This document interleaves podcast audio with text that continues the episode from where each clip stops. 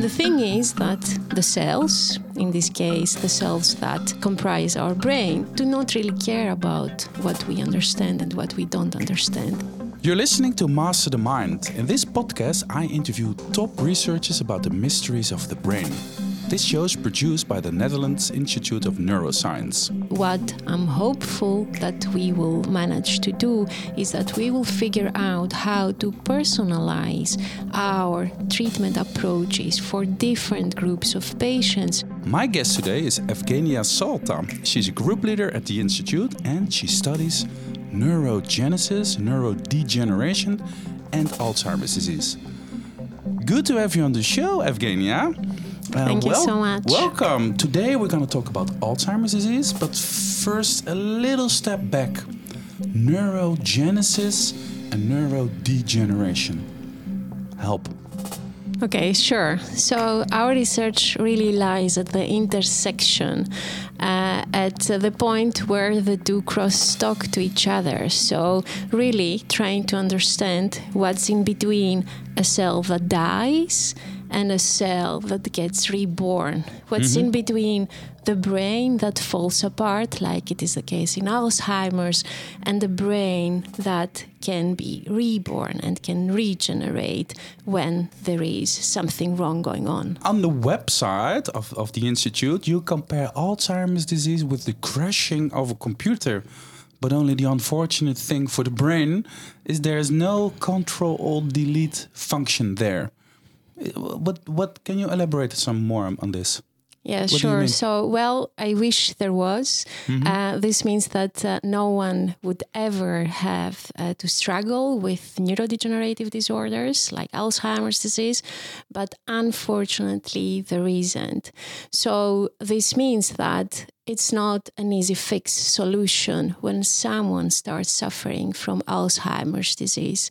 And what we are trying to figure out is what would be a solution for the brain when it crashes. And most probably it will be way more complicated than just pressing a button. This is the core of your research, or maybe your ambition even, to find this control alt delete. You stop the, the, the, the processes and you rewind and you start from fresh or maybe rejuvenate the brain. Is this is this true? Well, it's uh, a little bit uh, more uh, complicated uh, than that. And also, as researchers struggling every day with uh, uh, your own research, you know that things will not be straightforward mm-hmm. in this path. so, what we're trying with our research is to uh, have a more holistic approach to the disease. So, uh, say if you would imagine that the Alzheimer's brain is uh, like a garden where the plants start dying off, what we're trying with our research is to find ways to plant new seeds, but at the same time improve the quality of the soil for all the plants that are there. Mm. And uh, so this is about uh, the regeneration of cells and neurons.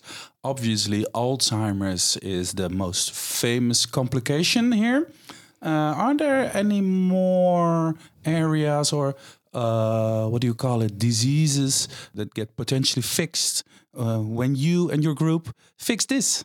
Yeah, exactly. So um, it's as the word says, we're talking about neurodegenerative diseases. And that's a big group of uh, diseases where you have brain cells just becoming uh, dysfunctional or even dying off. And that's not only Alzheimer's, it's also Parkinson's disease, Huntington's disease, ALS, multiple sclerosis, even, and so on. So this would be, let's say, a good first target to uh, approach with the kind of research we're doing. But at the same time, we know that other kinds of mental disorders and psychiatric disorders may also profit from results that have to do with uh, uh, our research. So this would be amazing. Today we're going to focus about, uh, on Alzheimer's. Um, what do we actually know about Alzheimer's and especially what causes it? This is uh, a very important uh, question, and someone might answer it by saying not much, uh, because of the fact that it's only in the last years that we start realizing that Alzheimer's is an extremely complex disorder, and uh, this uh, complexity manifests in different ways in different patients. So it's as if we're almost talking about multiple different disorders that uh, will be affecting different individuals in different ways. When it comes to the cause, uh, our uh, main source of knowledge comes from a very tiny proportion of Alzheimer's patients that suffer from genetic forms of uh, the disease, but that sums up to less than 5% of the total population of people suffering from Alzheimer's. So there is another more than 95% which don't have it in uh, the family history, so to say, but still will develop Alzheimer's disease.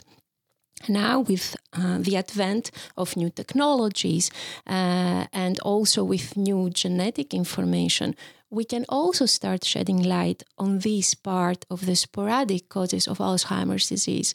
So we now know that there isn't such a thing as one single cause causing, leading to mm-hmm. the disease.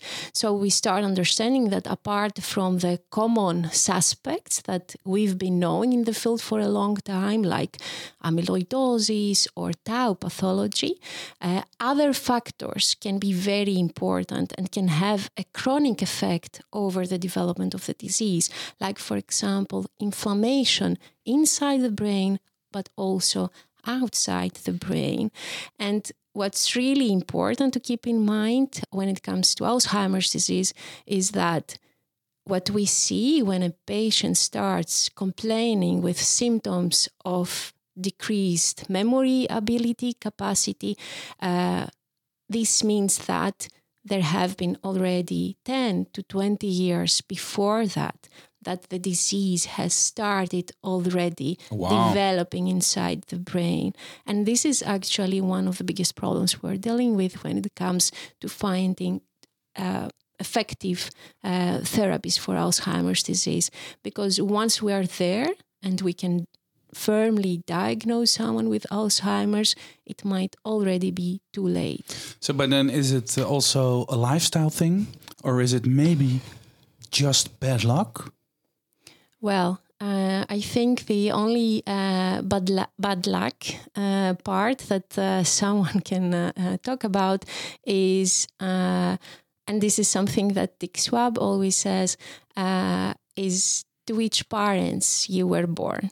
And this means what's your DNA. So that's the first uh, basis, but then there is so much happening on top of what you're carrying in your genes. So there are different levels of regulation, and this is all a very, um, let's say, creative and dynamic procedure that go, goes on from the time you are born until you age. Uh, so that's uh, the good news that we can definitely have a kind of control over uh, how this evolves when it comes to the non genetic forms of the disease. Mm. There, of course, lifestyle is important, as it is with everything. It's not an Alzheimer's specific thing. So, living a healthy and active uh, life, both mentally but also physically, will definitely have a positive effect on your brain function. I want to deep dive a little bit more in what you do in your research, but I would like to kick off with some uh, dilemmas. Would you mind? Sure, just go ahead, shoot uh, it. Uh, afterwards, you can, we can elaborate uh, on it. In the future, Alzheimer's disease will be a curable disease. True or false? Um, not really. Before we are able to find the solutions for brain diseases like Alzheimer's, we should first develop technology that's more sophisticated to look even deeper inside the brain. True or false? Definitely. The creation of new neurons in the brain is a lifelong process. True or false? Hopefully. Hopefully.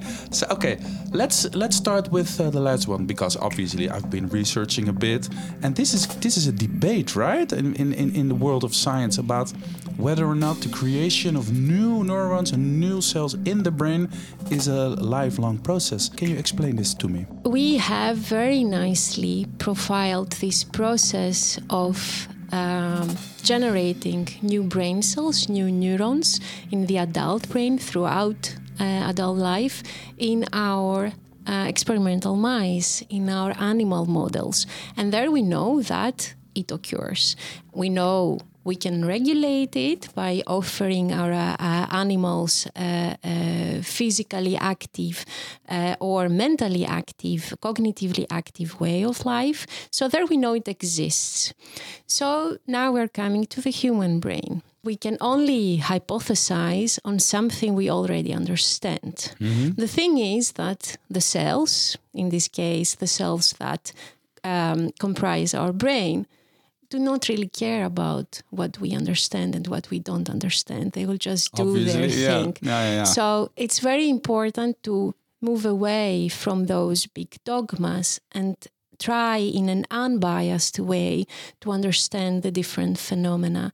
So, in my view, there is some evidence suggesting that there are some brain cells in the adult human brain that may have the potential to give rise to new functional brain cells.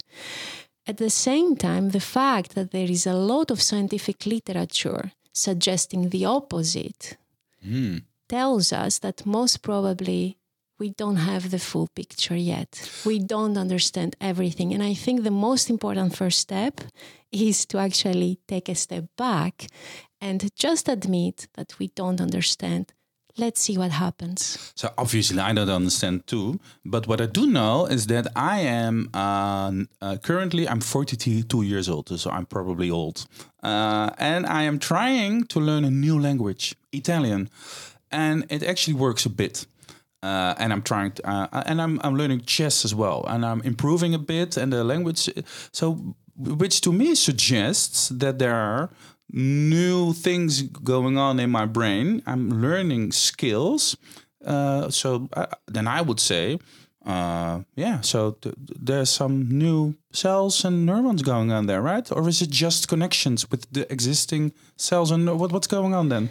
So there is uh, a lot of evidence suggesting that uh, the process of learning new things is beneficial in many different ways. So, as you say, uh, creating new connections, training the existing cells to function more, to be more active, this is already very, very beneficial.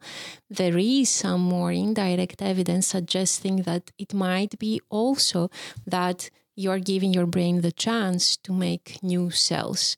But I think we would need more evidence for that. So, um, when it comes to this process of making new cells, new neurons, which is called adult hippocampal neurogenesis mm-hmm. in more uh, scientific terms, um, what we know from our mouse models again is that these neurons are very important for specific aspects of memory function. So these are the neurons that will help you uh, to figure out where did you park your bicycle. Let's use a Dutch friendly mm, yeah, example yeah. here. um, where did you park, uh, park uh, your bicycle uh, in the same uh, parking lot, but in a slightly different slot every day. So these are the cells that will help you to uh, tell apart two very, very similar, almost overlapping memories. Mm-hmm. So then uh, let's go to your research. So, first of all, you say, you know what? I think we should let go of the dogmas and the things we think we know. Um, and then we're gonna try to go back to the fundamentals. What is actually going on? And we need to deep dive in this am I correct if, if I'm saying that you are uh, working with two strategies? One is let's imagine this is a lifelong process, and the second is okay, maybe it's not. Is this are these two different uh, approaches to you? Is it actually what you're doing? Yeah, I mean, that's a nice way to describe it. Uh, actually, um, everything is happening at the same time, it's ongoing and it's also complementary. Um, so, um, what we're trying uh, to do is um, see and have an answer as to whether we can find uh, these kind of stem cells mm-hmm. in our brain that can give rise to new brain cells in the adult life and also in disease, in Alzheimer's. Uh, if we find them and they are there, what do we need? What kind of cues do these cells need so that they can become activated? And at the same time, uh, what we're trying to uh, understand is what are all the other neurotrophic and neuroprotective factors that we need to provide to our brain so that the cells that are becoming dysfunctional can pause this process. So, in other words, we're trying with our different lines of uh, research to um, increase the fitness of the Alzheimer's brain as a whole. Okay, so this is one line. So then you say, okay, the brain isn't functioning anymore like it's used to do. Uh, we uh, this is what we call uh, Alzheimer's disease or, or one of those things. And you say, you know what, these cells are able to recreate or to and then we could make a therapy on this. Something like this? Yes, on the very long run, yes. Okay, so this and the other one is okay. There could be a scenario that uh, uh, the creation of new neurons and new cells stops. Uh, this is another uh, scenario. What would that mean for the for the future of your research if this is the case? Uh, well, that's a very, very nice question. Um, uh, first of all, for me as a researcher uh, running a, a research group, the most important question is what really happens in the human brain. I haven't uh, set off by having a specific hypothesis where I would like to find these cells or I wouldn't like to find these cells. So, the most important question, also from the perspective of Alzheimer's therapy, is what is there and what can we use, how can we use what is there, still there in the adult brain or in the diseased brain. So, um, if our research shows that uh, our uh, brain, the human brain, does not have this regenerative potential, then uh, I'm very confident that we will be able to identify uh, different mechanisms that can be used to increase the fitness of the brain so that then this soil becomes uh, uh, of higher quality so that either it can clean away the toxicity that accumulates in Alzheimer's disease, or it can help the flowers that are already there to not die off. So the way you talk about this, I think it's amazing. The confidence that you I say, also "Come on, think it's this is great. It's magic." So okay, the other dilemma was about the technology part. So Mm-hmm. I think uh, science is a uh, it's it's it's a in a way a creative pro- profession, but it's also a, a technological, increasingly a technological tech technology. Is But like they are not key. mutually exclusive. Of course. So, uh, what about the technology part? Because you you immediately say yes, I need more technology to look even deeper inside the brain. Uh, so, what what what do you need then? yeah, so uh, maybe uh, before getting to that, Mm-hmm. I can um, give a quick, let's say, overview of how we do our uh, research Yes, in please. the lab. Yeah. So um, we first of all uh, use a human brain, so post-mortem brain uh, coming from the Netherlands Brain Bank, which is part of our institute, and we are really extremely lucky and grateful that we have access to this extremely viable collection of high quality uh, tissue uh, and we are really uh, grateful to the donors and their families uh, because this makes a very big difference uh, in our everyday life and also in the output of our research on the long term. Uh, just that in the human brain we can ask the question of what happens but we cannot ask the questions of why and how. And there we need additional model systems. And in our research, we're using, as I mentioned before, uh, different mouse models of Alzheimer's disease. And we also use uh, human uh, uh, pluripotent stem cells, so the so called iPSCs. Uh, these are cells derived from skin cells from Alzheimer's patients and healthy uh, individuals. And from them, we can then, in the dish, make either more uh, neurons or other brain cells that are important for the brain function, like, for example, important for inflammation, like the microglial cells. Mm-hmm. Um, so we're trying uh, to combine all these complementary approaches to answer both how, what, and why. So there's like the actual brains of uh, people who had Alzheimer's and died. You're exam, you're slicing it up, and you're looking through the microscope. This is a day at the office, and another approach is. Uh, uh, studying uh, mice with Alzheimer's, and the third one is uh, in a in a dish creating cells, neurons, and examine this and then look at the processes. Exactly. And now coming back to your question about technology, mm-hmm. um, we are heavily uh, depending on uh, new technological means because this is also uh, one of the reasons why now we do we are aware and we start understanding alzheimer's complexity more and this of course is a very important uh, key uh, element to reach uh, uh, more effective therapeutic approaches. So we are using different kind of technological uh, strategies and new tools. Uh, for instance, we're using the so-called single cell omics technologies, which actually um, enable us to um, take all the different um, millions, hundreds of thousands cells of the post-mortem human brain apart and then look into each one of those cells and profile the expression of the different genes. And then what we're trying to do is piece together again all those tiny uh, hundreds of thousands pieces of the puzzle and link this back to the cognitive status of that patient and start understanding what happened and how we can deal with it. And at the same time, something else that we're using, and this has to do with the computational part of our work, which is also heavy duty with this kind of big data, we are also relying more and more on artificial intelligence, for example.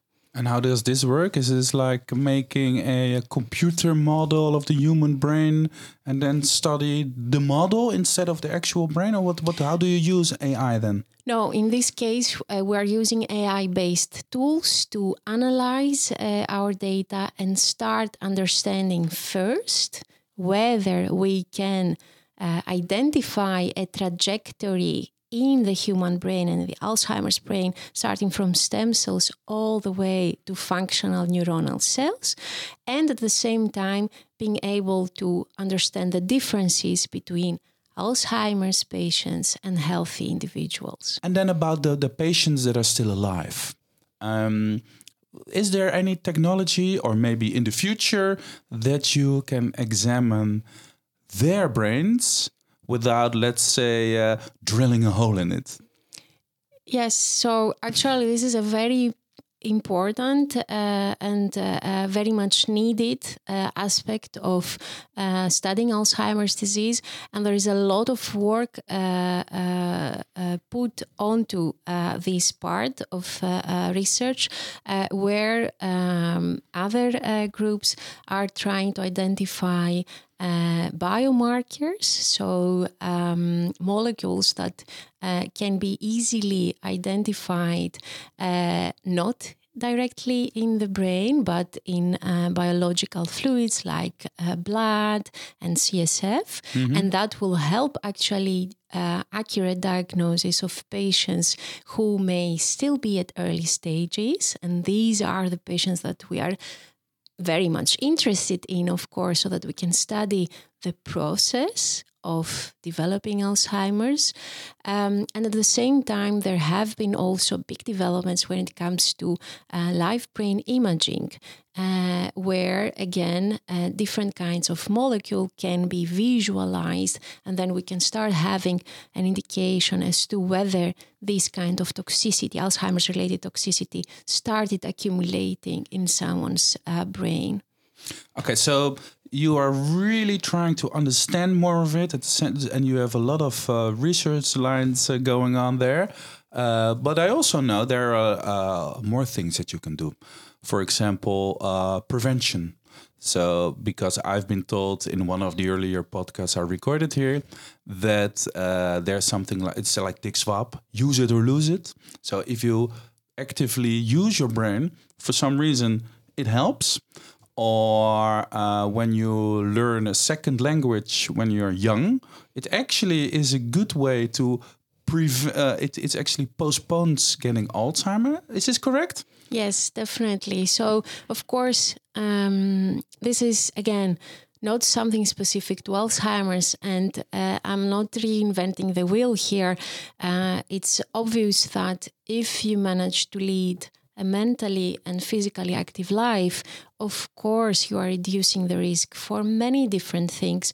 And I we start understanding that all the different parts of your body, also outside the brain, are in a continuous crosstalk with what happens in the brain. So, eating healthy can have an effect. For example, we know that our uh, intestine is in uh, a, a, daily uh, communication with our brain. So it's all important. And actually, um, this brings me to a certain part of our research that we are particularly interested in. And this is um, the phenomenon of resilience to Alzheimer's disease. So, um, for example, we work with the Netherlands Brain Bank, uh, Bank, as I mentioned, and we receive some samples which, under the microscope, they look as if these people before death they were suffering from alzheimer's so you would expect that they would also suffer from dementia mm-hmm. from memory loss however when going through their clinical pathological data their neurological uh, assessment you see that that's not the case oh, so wow. What does this mean? That these people, and this is quite a substantial percentage of the general population, it's approximately 30% of the general aged uh, population. So what does it mean that these people somehow they managed to uh, build up a kind of cognitive reserve throughout their lifetime. So when the first um, uh, toxic, let's say, cues in their brain started occurring, they remained resilient to developing dementia, even though the histopathology of Alzheimer's was there in their brain. So this is also a very interesting uh, research topic for you, I, I Definitely, yeah. okay. because we believe that studying these brains can offer many, many answers to uh, what we can use not only to stop the disease but also to prevent it. And uh, we're not the only ones who are very interested in this topic of course. It's a crazy and magical thing eh? the brain don't you think? Yeah. It's amazing. Definitely. So so what at the moment? So we're gonna uh, wrap it up now. I think it is it's it's it's amazing. So what at the moment in your research is the holy grail? There must be something that you think oh if I only. Yes. So uh, let's say uh, from a more uh, narrow perspective, when talking about the phenomenon we are mostly interested in, which is adult neurogenesis, the holy grail would be to uh, be able to profile the process as it happens in the human brain and not as we expect it to happen from what we know from our uh, mouse experiments. However, when uh, talking a little bit more generally, uh, for me, I think um, the holy grail would be to be able to put together all those small pieces of this a multidimensional matrix that would lead every person to develop or not develop Alzheimer's disease in a very different way. And to be able to do that, we will need several complementary uh, and most probably very very challenging also approaches. So this is not something that one line of research can address or only one uh, group. So we really need to work together and about you your your personal uh, motivation. What is it about this line of work that you are so intrigued by it? What what is it for you well, I mean, uh, I was always uh, drawn to uh, brain function and uh, brain disease. Um, and as you said, uh, it seems like it's magical, but we know it's not. So we need to understand how this magic happens. Um, and um, I find it just fascinating that there is still so much we don't know it's really very difficult to comprehend that um, we've been studying this disease for so long, and there is still so much to understand and uh, so much to uh, make us excited when it comes to how we can deal with the disease and how we can help the people who suffer from the disease. And then, on a personally note, uh, recently I also lost my grandmother to Alzheimer's. So um, I know what's the burden on the patients and on uh, the uh, caregivers. Um, and we do keep this in mind every mm. day in the lab. And this is something we uh, try to keep in the center of uh, our uh, day daily life uh, with my group. I need to uh, talk a little bit more about this one dilemma that I presented you. It's about the curing of Alzheimer's, whether or not it's going to happen. We've been talking about this for half an hour now. And you said, not really. This is a disturbing conclusion of the podcast. Can you elaborate a little bit more on this? Well, uh, it will for sure not be like uh, the flu. So I don't think we will be able to find a kind of magic bullet that can treat Alzheimer's disease in all the patients, no matter what's their stage or what's their uh, pathology. As I said before, Alzheimer's is a very complex disease and it manifests itself in many different ways. So, what I'm hopeful that we will manage to do is that we will figure out how to personalize our treatment approaches for different groups of patients, which may not cure the disease as a all the way we understand it for other diseases, but it will for sure relieve symptoms and improve quality of life and life expectancy. So the last question is always the same in this podcast. It's the podcast is called Master the Mind. So all you guys working here at this institute and all over the world, scientists are trying to master the mind or maybe mastering a, a, a, little part of the brain, just a, a, specific thing. Is there anything about the brain that fascinates you the most or puzzles you the most, or is the thing that you think, what is it?